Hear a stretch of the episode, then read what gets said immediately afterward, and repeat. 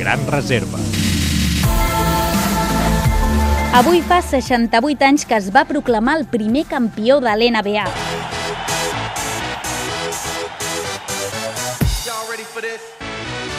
Els Philadelphia Warriors van guanyar la primera edició de l'NBA després de derrotar els Chicago Stars en la final.